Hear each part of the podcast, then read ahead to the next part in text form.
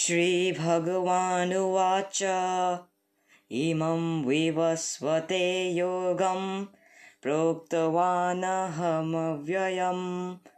विवस्वनमनवे प्राह मनुरीक्षवकविद्ब्रवीत्।